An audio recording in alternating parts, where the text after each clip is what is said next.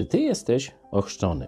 Może wydawać ci się to głupim pytaniem, ale to jest jedno z najważniejszych pytań Twojego życia.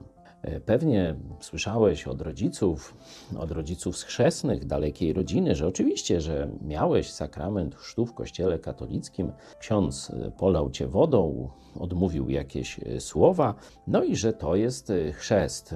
Kiedy już byś zapytał swoich rodziców chrzestnych czy zwykłych, a nawet księdza, no co się w wyniku tego stało, no to zaczną coś tam tak kręcić, ściemniać, że jakiś grzech pierworodny zostaje się obmyty, czy coś i tak dalej, i tak dalej. Ogólnie e, skracając na temat tej koncepcji chrztu katolickiego, tego to nawet nie jest chrzest, to jest tylko pokropienie, a tak jak już pewnie wiesz, chrzest to jest zanurzenie, e, to w Biblii nie ma nic na ten temat. Jest natomiast mowa o pewnym chrzcie, czyli zanurzeniu, które daje życie wieczne, wolność od grzechu, możliwość prowadzenia zwycięskiego, czyli podobającego się Bogu życia, pewność zmartwychwstania. I ja się o ten chrzest pytam, pytam, czy tym chrztem zostałeś ochrzczony?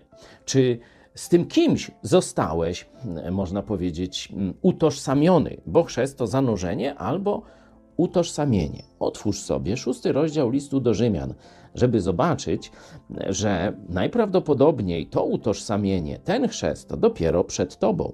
To jest chrzest w Jezusa Chrystusa, czyli utożsamienie z Jezusem Chrystusem. Szósty rozdział listu do Rzymian, przeczytaj sobie. Może to nastąpić tylko przez całkowite zaufanie Jemu. Nie można tego zrobić w niemowlęctwie. To musi już zrobić człowiek świadomy.